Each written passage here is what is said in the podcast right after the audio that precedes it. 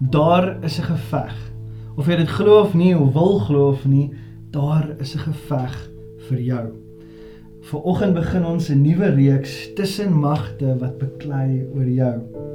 Nou in die Bybel is al baie verse, die oorwinningsverse wat wonderlike verse is. Ons lees dit baie keer en dit is ons hou van hierdie verse. Verse soos in al hierdie dinge is ons meer as oorwinnaars. Romeine 8 1 Korintiërs 15:57 Maar ons dank God dat hy aan ons die oorwinning gee deur die Here Jesus Christus. Johannes 16 vers 33 Dit sê ek vir julle sodat julle vrede kan vind in my. In hierdie wêreld sal julle dit moeilik hê, maar hou moed. Ek het klaar die wêreld oorwin. Hierdie is lekker verse vir ons om te lees want dit vertel ons van hierdie oorwinning wat ons in leef. Jy weet, ek het al baie keer gehoor hoe party Christene sal sê, jy weet, ons het klaar oorwin. En dit is alles waar. Ons het klaar oorwin en ons leef in oorwinning. Maar sodra die moeilike tye ons tref en die stryd baie realisties voor ons is, dan raak hierdie verse van oorwinning baie moeilik. Want ons vergeet soms die konteks van hierdie verse. Die die konteks van die vers is byvoorbeeld in Romeine 8. Dit sê in al hierdie dinge, al hierdie dinge, die moeilike tye, die dinge wat ons beleef, is ons meer as oorwinnaars. In Johannes 16 waar Jesus sê in hierdie wêreld gaan dinge moeilik wees, maar moenie worry, ek het klaar die wêreld oorwin. Jy weet, die, hierdie verse is verse wat ons herinner aan hierdie stryd. Ja, ons leef in oorwinning. Ja, ons is oorwinnaars, maar daar is 'n stryd. In Efesiërs 6, daai bekende vers waar dit sê ons stryd is nie teen vlees en bloed nie, maar teen die magte in die hemel. Daar is 'n stryd. Nou daar's baie wonderlike beloftes in die Bybel, maar nog 'n belofte in die Bybel wat ons nie van hou nie, is dat daar gaan moeilike tye wees. Ons leef in 'n stryd. En hierdie stryd is vir jou. Dis 'n bekleierery vir jou.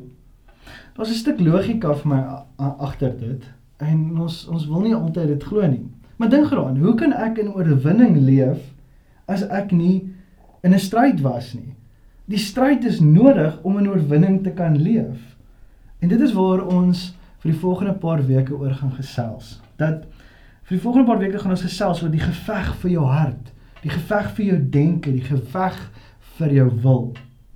Nou vir oggend wil wil ek begin om te gesels oor dat ons onsself moet regmaak vir die geveg.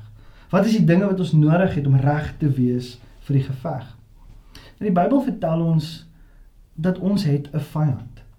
'n Vyand wat wat kom en steel en slag en te verwoes en dood te maak. En hierdie vyand is baie baie slinks. Hy weet die beste manier om vir my en jou um te wen in hierdie stryd is om ons fokus te skuif spesifiek om ons fokus te skuif weg van die stryd af. En jy weet, dit is juist die rede hoekom ons as mens, hoekom ek in my lewe al so baie keer gesukkel het. En hoe baie keer die stryd my onderkry, want ek het vir baie lank in my lewe het ek geloop met 'n onbewustheid van daar is heeltyd 'n stryd vir my aan die gang. Dit is die heeltyd 'n stryd aan die gang waar die vyand my probeer wen. En hy wil hierdie goed steel van my. En soos ek sê, hy's baie baie slinks. En een van die dinge wat hy gebruik om een van sy taktieke is om ons te mislei. Hy wil ons van die pad af mislei en ons baie slinkse maniere kry om ons fokus weg te vat van hierdie stryd af. So hier's God en hy wil ons seën en hy wil vir ons 'n goeie lewe gee en hy wil hê ons moet in oorwinning leef en aan die ander kant is daar die vyand wat ons wil verwoes en ons doodmaak. Maar dan is daar nog 'n opponent wat saam in hierdie stryd beklei. En dit is 'n dit is dit is 'n opponent wat baie meer misleidend is, wat baie gevaarliker is. En wie is hierdie opponent? Dis jy. Dis ek weet die Jeremia sê dat die mens se hart is deur en deur bedrieglik en boos. Dit hy, hy sê dat ek het in myself die vermoë om myself na verwoesting toe te bring. Dit laat my dink aan Bansky. Bansky is 'n is 'n is 'n street artist, soos hulle sal sê in Engels. En en sy kuns fascineer my, of eintlik die manier hoe hy dit doen fascineer my. Hy sal of graffiti gebruik teen 'n muur of of 'n art installation doen. En meeste van die tyd het hierdie goed 'n uh, 'n boodskap teen kommersialisme of die verbruikersmentaliteit van die tyd. Nou en wat hy so baie keer doen is ek het al stories gelees waar Bansky 'n stuk graffiti teen 'n muur gemaak het en dat mense die muur letterlik verwyder en verkoop vir die kuns wat op die muur is. Want Bansky se kuns verkoop vir miljoene en miljoene en miljoene rande. Maar so 2 jaar terug het Bansky seker een van sy most talk about dinge gedoen. En meeste van sy die goed wat hy doen met sy kuns, it's talked about. Maar hierdie is seker in die nuus was dit oral gewees. Wat hy gedoen het is hy het gereël dat een van sy skilderye, The Girl with Balloon, um, by Sotheby's in Engeland op veiling gesit is. En ehm um, daar is klomp baie welaf mense in hierdie vertrek en hulle drink champagne en eet hulle kaviaar. En daar teen die muur, daar is die skildery, Girl with Balloon teen die muur. En so begin die veiling. En die afslaer is besig om almal na die beet te luister en hy slaan af op ongeveer 300 000 pond, 1.4 miljoen dollar slaan hy dit toe en hy sê sold for in the person in front wat ook al hy gesê het. En die oomblik toe hy dit sê, die oomblik toe hy sê sold, toe het Bansky op een of ander manier 'n shredder geaktiveer wat ingebou is in die in die raam van hierdie skildery. En ewe skielik, toe hy sê sold, toe gaan hierdie stuk kuns deur hierdie shredder en dit verwoes die kunswerk. Ja, dat die sekuriteit het dadelik hierdie skildery gevat en uitbeweeg na 'n veilige plek toe. Hoekom is daar sekuriteit by so 'n veiling soos daai dag? Want natuurlik, daai kunswerke is baie werd. En hierdie skilder, hierdie hierdie die kunswerke moet beskerm word teen die mense wat daar is. Maar wat hierdie sekuriteitsfirma of die sekuriteit of die mense wat daar was nooit besef het nie, dat hierdie skildery wat Bansky teen die muur gesit het, het die vermoë gehad om homself te verwoes. En dat alhoewel hulle die sekuriteit daar neergesit het om om die skildery teen die mense te beskerm, kon hulle niks doen aan wat die skildery aan homself kan doen nie. En hoe baie keer is dit nie presies wat gebeur met ons nie? Ons is baie keer ons eie grootste opponent in hierdie geveg. Ons is baie keer juis die persoon wat onsself die meeste skade aanrig. En ek kan dit vir jou bewys. In Amerika het hulle 'n studie gedoen rondom uh mense wat uh voorskrifte kry vir medisyne. Hulle sê van al die mense wat hulle mee gepraat het en al die die studie wat hulle gedoen het, het hulle agtergekom dat van van al die mense wat voorskrifte kry in daai spesifieke tyd, het 1/3 van die mense nooit hulle medisyne gaan haal by die apteek nie. Hulle was siek genoeg gewees om dokter toe te gaan om medisyne te kry, maar het nooit die medisyne gaan haal nie. Die 67% van die mense wat oorbly, ehm um, gaan haal die medisyne. Hulle sê 'n groot persentasie van hierdie mense gebruik dit nie reg nie. Hulle volg nie die voorskrifte nie of 'n groot aantal van hulle gebruik dit glad nie. Dit is by die huis, maar dit word nie gebruik nie. Die skokkende deel van hierdie statistiek was dat hierdie mense wat nie die medikasie reg gebruik en of nie gebruik nie, is ook mense insluit in die mense wat daai um antiverwerpingsmiddels gebruik um wat oor wat oorplantings gehad het. So hulle sit hulle eie lewe in gevaar om nie hierdie medisyne reg te gebruik nie hierdie studie het ook verder gaan. Die enigste tye wanneer die mense 'n voorskrif amper 100% reg gebruik. Hulle gaan haal die voorskrifte en hulle gebruik dit 100% reg. Is die voorskrifte wat uitgeskryf is deur 'n veearts vir die diere in die mense se huis. So dit wys ons dat baie keer is ons hanteer ons ons diere beter as wat ons onsself hanteer. En dis soms speel ons jy so reg in die hand van die een wat ons wil verwoes. Jy weet, I, I, ons vyand kan baie keer terug staan en sê, "Maar ek hoef nie veel hier te doen nie. Hulle is besig om dit aan hulle self te doen." Hy speel so reg in sy hand. Nou die dag toe toe kyk ek 'n storie op op op YouTube. Ek weet nie hoe ek daarby uitgekom het nie, maar ek hoor dit die storie van Larry en Chrissy. Hulle bly iewers in die FSA, ek dink in Minnesota of 'n plek soos dit. En wat hulle doen is hulle hou van ice fishing. Nou, ek weet nie veel van ice fishing af nie, maar ek weet ek het al gesien op TV dat dat mense ry met hulle voertuie op die ys op 'n rivier of 'n meer wat gevries is en dan ry hulle op hierdie water uit en dan dan maak hulle 'n gat in die ys en dan vang hulle vis deur hierdie gat. Baie mense kamp op die ys vir 'n paar dae lank en Ehm um, hulle maak selfs vuur op die ys wat ek nie dink baie slim plan is nie. Maar maar soos die tyd wat wat hulle mense nou maar dit doen, het mense geleer hoe dik die ys moet wees vir watter voertuig of hoe wat se gewig die ys kan dra. So hulle weet as dit 5 cm is kan 'n persoon daarop loop, as dit 20 cm is kan 'n motorfiets daarop ry en as dit 30 cm is kan 'n uh, uh, quad bike daar ry en as dit 'n halwe meter is kan 'n kar daar ry. So hulle weet presies hoe om die ys te meet.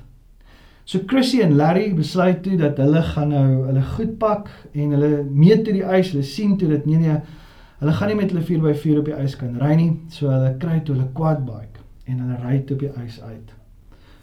Opgewonde om gaan te gaan visvang. Volgende oomblik soos wat hulle ry ver in die meer in, hoor hulle kraak massiewe kraak. Die volgende oomblik is hulle in die water. Hulle spartel om om uit die water uit te kom, maar hulle is omsingel met ys. En nat ys soos jy weet is glad. Hulle hulle probeer uitklim, hulle probeer vashou plek kry, maar al wat hulle doen is hulle gly net terug in die water in. En die heeltyd is hulle besig om net niks wat hulle doen of niks wat hulle by hulle het help hulle om uit die water uit te kom nie. Chrissy en Larry is is is absoluut in 'n in 'n in 'n paniek want hulle weet hierdie is nou die einde. Die klere wat hulle aan het, die boots wat hulle aan het, trek hulle af soos klippe in hierdie ijskoue donker water in. En op 'n stadium besef Larry dat hierdie is nou die einde. So, spoiler alert. Larry en Chris het dit gemaak. Hulle het hulle het oorleef en hulle kan die storie vertel. Maar terwyl ek so luister hulle praat, het weet ek nie van jou nie, maar ek het nogal baie vreemdselwig met dit hoe hy gevoel, hoe hy gepraat het oor hoe hulle gevoel het in daai oomblik. Hulle sê hulle het magteloos gevoel. Hulle kan sien dat hulle letterlik net hier kan uitklim, maar hulle het nie vashou plek gehad. Hulle het nie genoeg tyd gehad en en die vermoë gehad om uit te kon klim nie. Hulle hulle is raak moedeloos en moeg en En ek besef toe maar ek het al baie keer in die stryd van die lewe en die stryd wat ek baie keer in is baie gevoel soos wat hulle gevoel het. Dit voel ek kan nie uitkom nie. Ek ek die die die gewig van hierdie stryd raak net swaarder en swaarder en swaarder. En dis juis in daardie tye wat die vyand kom en hy kom sê vir jou en hy oortuig jou.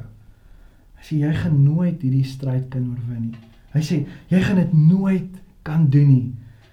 En hy oortuig jou daarvan. Hy sê vir jou, onthou, jy is nou vas. En dan wat gebeur dan? Ons internaliseer dit. Ons maak dit ons eie en ons begin dit vir onsself sê dat ek dit nie gaan maak nie. En jy begin dit te glo. En dis net hier waar die stryd begin met jouself.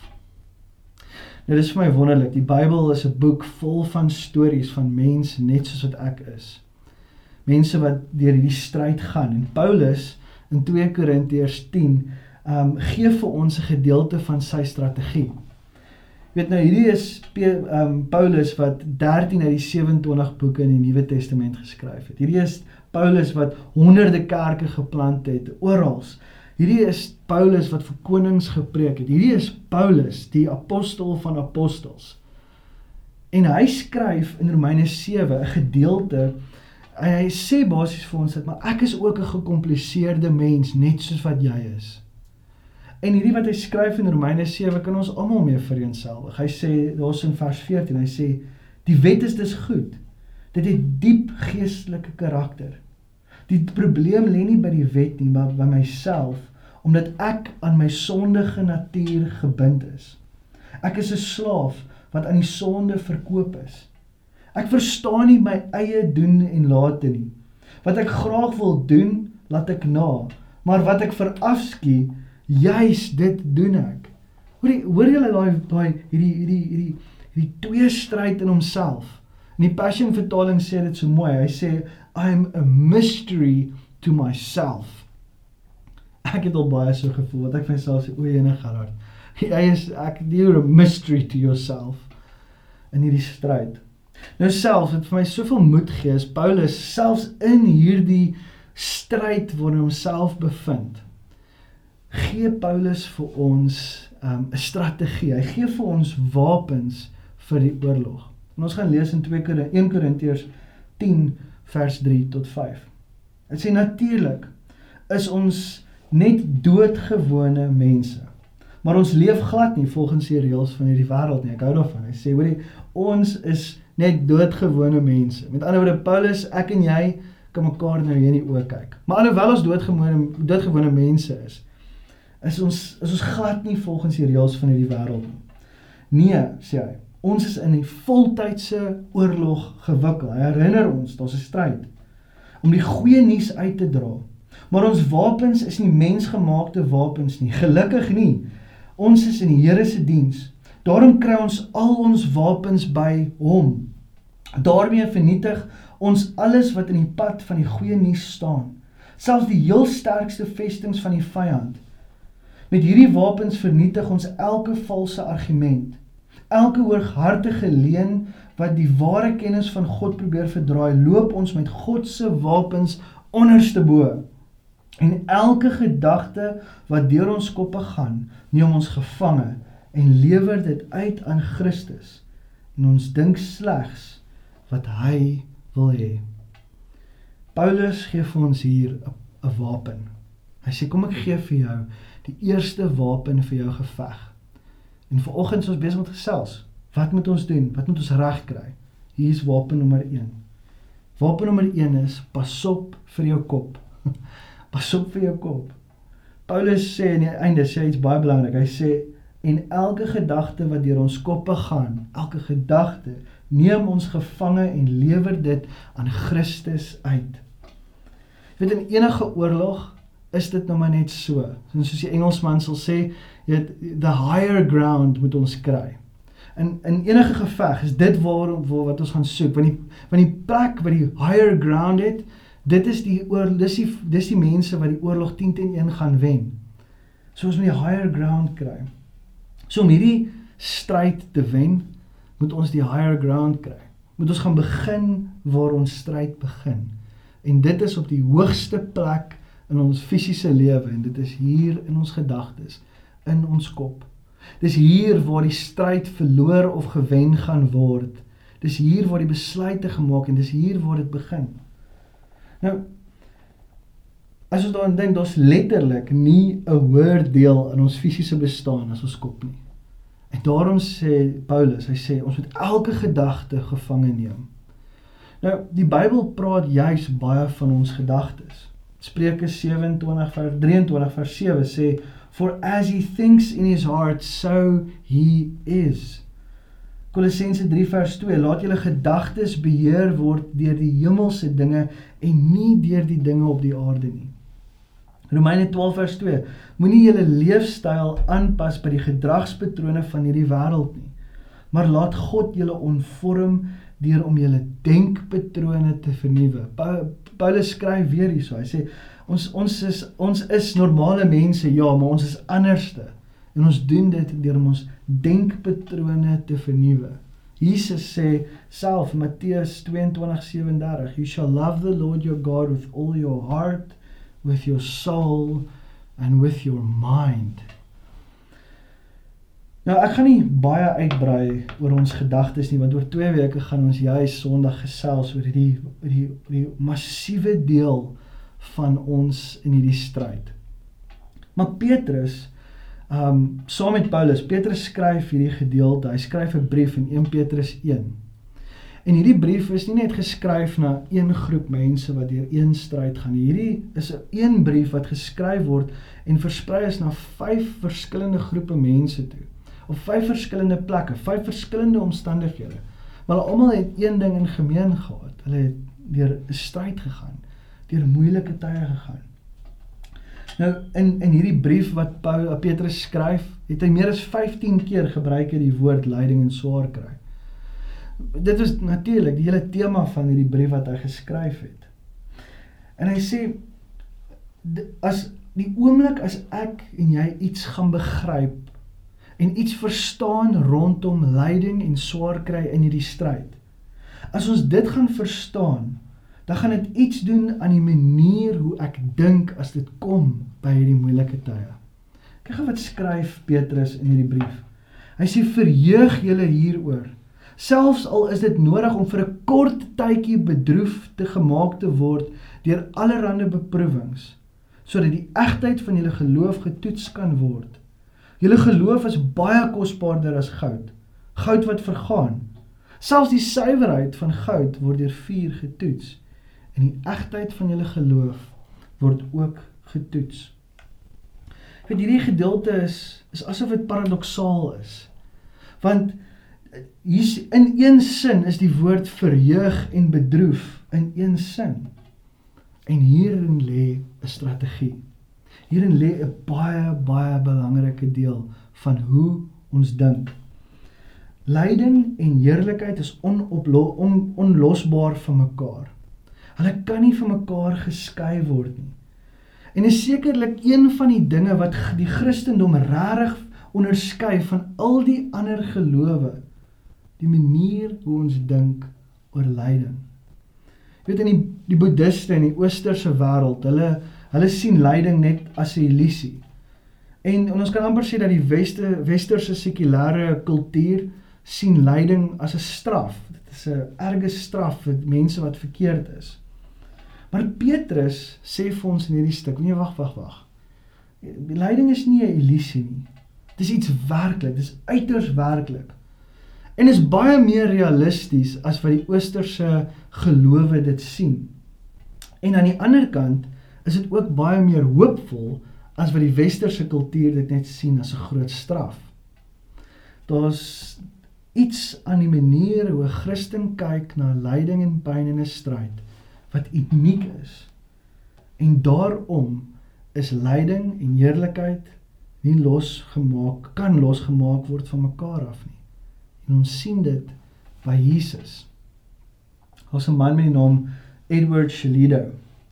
Hy het baie tyd spandeer om 'n hele aantal ehm um, verskillende godsdienste te bestudeer om uit te vind wat se een werklik die waarheid was. En soos dit in sy studie het hy 'n Christen geword.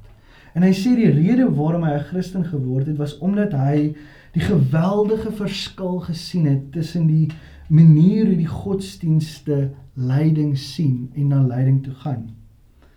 Hy skryf toe 'n gedig, 'n baie lang gedig oor oor oor sy pad hoe hy by Christus uitgekom het. En onder andere in die gedig praat hy oor die verskillende gode, die verskillende godsdienste Maar wat hy sê in die laaste strofe tref my verskriklik. Hy sê the other gods were strong but thou wast weak. They rode but thou didn't stumble to a throne. But to our wounds only God's wounds can speak. And not a god has wounds than thou alone. En wat hy sê is hy sê hy sê Jy, het jy wonde? Het jy wonde en seer? Daar is net een God van al die ander gode wat ook seer het, wat wonde het. Wonde wat verstaan. Tim Keller sê dit vir my so mooi. Hy sê there's only one God who has been through it. It's only through wounds that you can appreciate his. And it's because of his wounds that your wounds have meaning. His wounds speaks to our wounds. 'n Hele nuwe manier van dink as dit kom by lyding. Pas op vir jou kop. Pas op vir die manier wat jy dink. want God verstaan hoe ons voel in ons moeilike tye. Hy weet hoe dit is om lyding te hê. Hy gee my 'n nuwe perspektief oor lyding en dat ek sal beleef um wat en dit wat ek beleef in my lewe sal nooit so erg ooit kan wees soos wat hy op die kruis beleef het nie. En daarin lê soveel genade vir my. En daarom kan ek na hom toe gaan met my wonde, met my stryd, met my twyfel, met my hopeloosheid, met my teleurstelling. Want sy wonde praat met my wonde en bring sin na my lewe toe. Paulus en Petrus gee ons hierdie wapen. Hy sê as jy net die stryd toe wil gaan, dink anderste as dit kom by hierdie stryd. Die tweede wapen is gebruik jou woorde. Die Bybel praat verskriklik baie van jou tong. In Spreuke 18:21 word dit sê die die die die tong het die mag oor die dood en die lewe. Dis 'n wapen. En net soos dit jou gedagtes kan oortuig, kan jou eie woorde jou ook oortuig. Maar hier is die ding van jou woorde. Jou woorde oortuig nie net jouself nie, jou woorde het die vermoë om ander mense ook te oortuig. Dit skep 'n atmosfeer rondom jou. Nou Petrus sê terug na hom toe. Hy sê verheug julle hieroor self al is dit nodig dat julle 'n kort tydjie bedroef gemaak word deur allerlei beproewings. Hierdie woord beproewings wat hy gebruik in Grieks praat van dit is soos 'n stormagtige see wanneer die mooi blou water omstuimig raak en al die sand en die gemors wat onder lê die water vertroebel.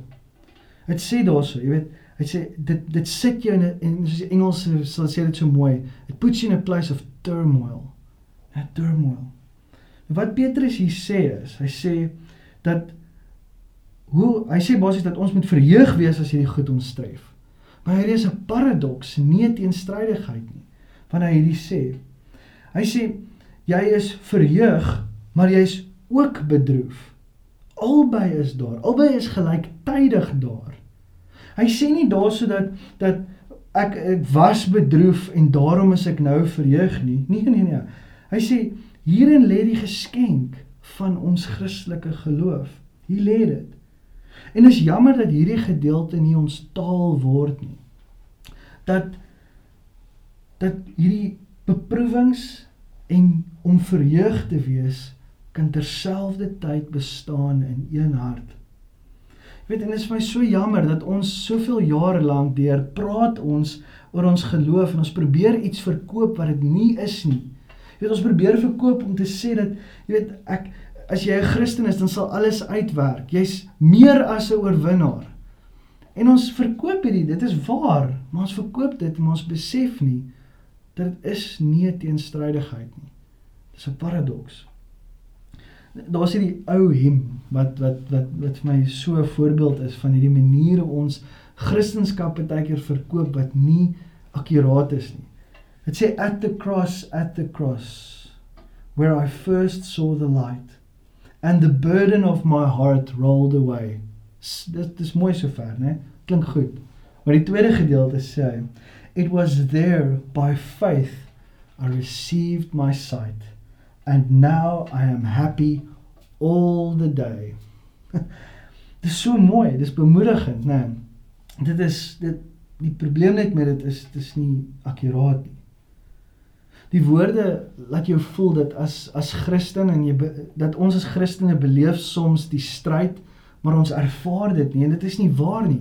Ons is in dit. Ons ervaar dit. Paulus sê in 2 Korintiërs 4, hy sê we are persecuted but not forsaken. We are cast down but not destroyed. We are perplexed but not in despair. En hierdie wat Paulus sê is presies wat Petrus ook skryf wanneer hy hierdie sê, al moet ons verheug wees en beproewings ervaar in een tyd. Dis presies hierdie hulle hulle is onderstreep half wat mekaar wat hulle daar skryf by mekaar. Dat Christene se hartseer en geluk kan saam coexist dieselfde tyd. Jy kan in, in blydskap leef en jou hart kan terselfdertyd breek vir die seer van die wêreld. Jy leef, jy beleef pyn, maar ek is nie vrygespreek van pyn nie. Ek is in 'n stryd. Ek is besig om te beklei en daar's iets wat besig om te beklei vir my. Maar selfs in hierdie stryd kan ek vrede vind. En hier is die ding, die manier hoe ek praat oor die stryd, oortuig ek myself en ek oortuig ander. So die eerste punt is, pas op vir jou kop. Die tweede wapen is gebruik jou woorde en die laaste ene is hou aan en staan weer op. Weet, hou aan om hierdie stryd te beklei. Moenie moed opgee nie. Ons gaan gou terug na Paulus toe, 1 Korintiërs 10, daai gedeelte. Hy sê natuurlik is ons net doodgewone mense, maar ons leef glad nie volgens die reëls van hierdie wêreld nie. Nee, ons is in 'n voltydse oorlog gewikkel om die goeie nuus uit te dra. So wanneer jy val en misluk en jy gaan val en misluk. Dit is dit is dit gaan gebeur. Kan jy kom tot op 'n plek waar jy moet sê ek gaan weer opstaan en verder beklei. En hoe doen ek dit? Ek doen dit om teenwoordig te wees. Ek kan nie ek kan nie 'n stryd beklei waarby ek nie teenwoordig is nie. Maar om teenwoordig te wees wanneer dinge moeilik gaan in jou huwelik, om teenwoordig daar te wees. Wanneer dinge in jou familie moeilik gaan, om teenwoordig daar te wees. Om in die tye wanneer jy nie met God wil praat in jou stilte tyd nie, nog steeds teenwoordig te wees, 'n stilte tyd te hou met hom te praat. In tye wanneer jy nie wil kerk toe gaan of of deel vorm van 'n klein groep nie, om teenwoordig te wees om aan te hou en aan te hou en aan te hou. Want weet jy hoekom? Die vyand, ons vyand staan en hy kan nie wag vir jou om tou op te gooi in hierdie stryd nie. Hy kan nie wag vir dit nie. Ek is mal oor stories van volharding. Veral as dit kom by stories oor volharding in besigheid waar mense ehm um, met teen alle waarskynlikheid 'n reuse sukses gemaak het van van hulle van hulle storie. Ons almal het al sekerlik ken 'n leatherman. Nou 'n leatherman is 'n is 'n is 'n tang en 'n knipmes in een. En ehm uh, dit dit is 'n wonderlike stuk gereedskap en eendag as ek groot is sal ek ook een hê. Maar die persoon wat dit ontwerp het se naam is Tim Leatherman. En hy het die idee gehad om 'n tang te ontwerp wat ook 'n knipmes sal wees. Nou in daardie tyd het dit nog nie bestaan nie. Maar dit was dit was nie so maklik soos wat hy gedink het nie. Vir ongeveer 3 jaar het hy gesukkel om die patent te kry vir hierdie stuk gereedskap, hierdie nuwe soort tegnologie wat hy uitgebring het. En op sy 30ste verjaarsdag van soveel probeerslae, sê hy het hy net heeltemal gebreek in sy garage toe, toe dit weer nie gebeur nie. Hy het 'n laagtepunt bereik en hy sit in sy in sy garage en hy huil. Maar uiteindelik, na baie gesukkel, kry hy 'n patent kry die patent uiteindelik. Vir jeug, uiteindelik het dit. Maar nou is die moeilike deel. Hy probeer dit verkoop en niemand wil dit koop nie. Hy die weermag gaan sien en van maatskappy tot maatskappy gegaan en niemand wou dit gehad nie. Hy het ongeveer 500 briewe gekry waar die mense sy idee afkeer en sê, "Ja, maar ons verwerp dit, ons wil dit nie hê nie." Niemand wou dit koop nie. Dit was te veel vir 'n mes vir die ge, die gereedskap maatskappye en dit was te veel van 'n stuk gereedskap vir die mesmaatskappye. En hy was moedeloos. Hy net net net daarom tou op te gooi en te sê ag ek ek gaan nie meer sukkel nie. Natuurlik moet ek moet dit dan nie doen nie. Totdat 'n vriend hom uitdaag om te sê hou aan probeer om nog net een brief uit te stuur. Hy stuur dit toe vir die winkel en hulle Hulle kyk na die produk. Dis nou, ons sal maar 'n paar koop en dan kyk ons hoe gaan dit. Ek dink dit gaan werk nie, maar kom ons probeer. En dit was 'n hit. Mense het dit gekoop en gekoop en gekoop en soveel so dat dit 'n hele nuwe uh, kategorie van 'n mes begin het, die multi-tool. En en dit is nou vandag 'n multi-biljoen dollar um industrie wat geskep is. Dit is daar's soveel verskillende um modelle en verskillende soorte Leathermans. En hierdie suksesverhaal van Tim Leatherman is vir my weer eens net 'n storie van wat dit beteken om uit te hou en aan te hou en moed te hou in hierdie moeilike tye. In die middel van hierdie stryd om te sê as ek val, gaan ek weer opstaan en ek gaan weer probeer al is dit nog net een keer. Dit wys vir jou net weer eens. Ons baie sulke stories dat uithou vermoë so nodig is om hierdie stryd te wen. Nou ek ek sluit af. En voordat ons gaan bid vir oggend en ek gaan nou bid, Sit jy al dalk hier die hele oggend en jy wonder by jouself, Gerard, alles is goed en wel, maar wat op aarde het van Chrissy en Larry gebeur? Hoe het hulle uit die ys uit gekom? Hoe op aarde? En, en ek weet julle baie mense het nou gesit en wonder. Larry en Chrissy se storie eindig. Toe Larry nie meer kon uitkom nie. Hy hy sy arms is moeg, hy kan nie meer nie. En hy besluit, dis nou klaar, sak hy sy arms af en soos dit hy voel in sy sak, besef hy het 'n Leatherman in sy sak. Hy haal sy Leatherman uit, hy maak hom soos 'n tang en hy hy gebruik hom en hy trap die ys en hy trek homself uit en hy trek sy vrou uit. En die storie eindig waar um Chrissy en Larry vir Tim Leatherman ontmoet. En waar hulle vir hom sê baie dankie vir jou produk. Jou droom het my en my vrou se lewe gered. Mense 8 jaar het Tim Leatherman gestryd en hy was deel in hierdie stryd besig om om hierdie produk te maak. En sonder dat hy weet dat selfs hierdie stryd waar homself bevind was nie net 'n stryd vir homself nie. Maar dit was 'n stryd wat baie ander mense se lewens gaan red. En hier dis die rede hoekom jy nie moet opgee nie. Dis die rede hoekom jy moet aanhou die stryd stry, want jou lewe is nie net vir jouself nie. Jou woorde, jou uithou, jou moed, jou positiwiteit, jou hoop bring lewe vir ander mense. Selfs in die tye in die middel van die stryd. So hier's die wapens wat ons kan leer. Pas op vir jou kop. Ons moet anders te dink as dit kom by lyding. Gebruik jou woorde. Ons moet anders te begin praat. Want dit wat ek sê oor lyding, dit is 'n manier hoe ander mense daar voel en laastens hou aan stry. Hou aan die stryd stry. Jy's nie die enigste een wat deur hierdie moeilike tye gaan nie. Kom ons sluit ons oë. Vader, dankie dat ons weet dat in hierdie stryd wat ons onsself bevind, is ons nie alleen nie. U wonde bring genesing vir ons. U wonde bring vir ons vrede. En selfs te midde van ons lyding kan ons na U toe kom. Here baie dankie dat ek nie alleen hoef te beklei nie, want U wonde het klaar vir my beklei en U wonde is steeds besig om vir my te beklei. Here seën elkeen wat ver oggend gekyk het en help ons om met 'n bewustheid te leef van dat daar is 'n geveg in Jesus se naam alleen. Amen.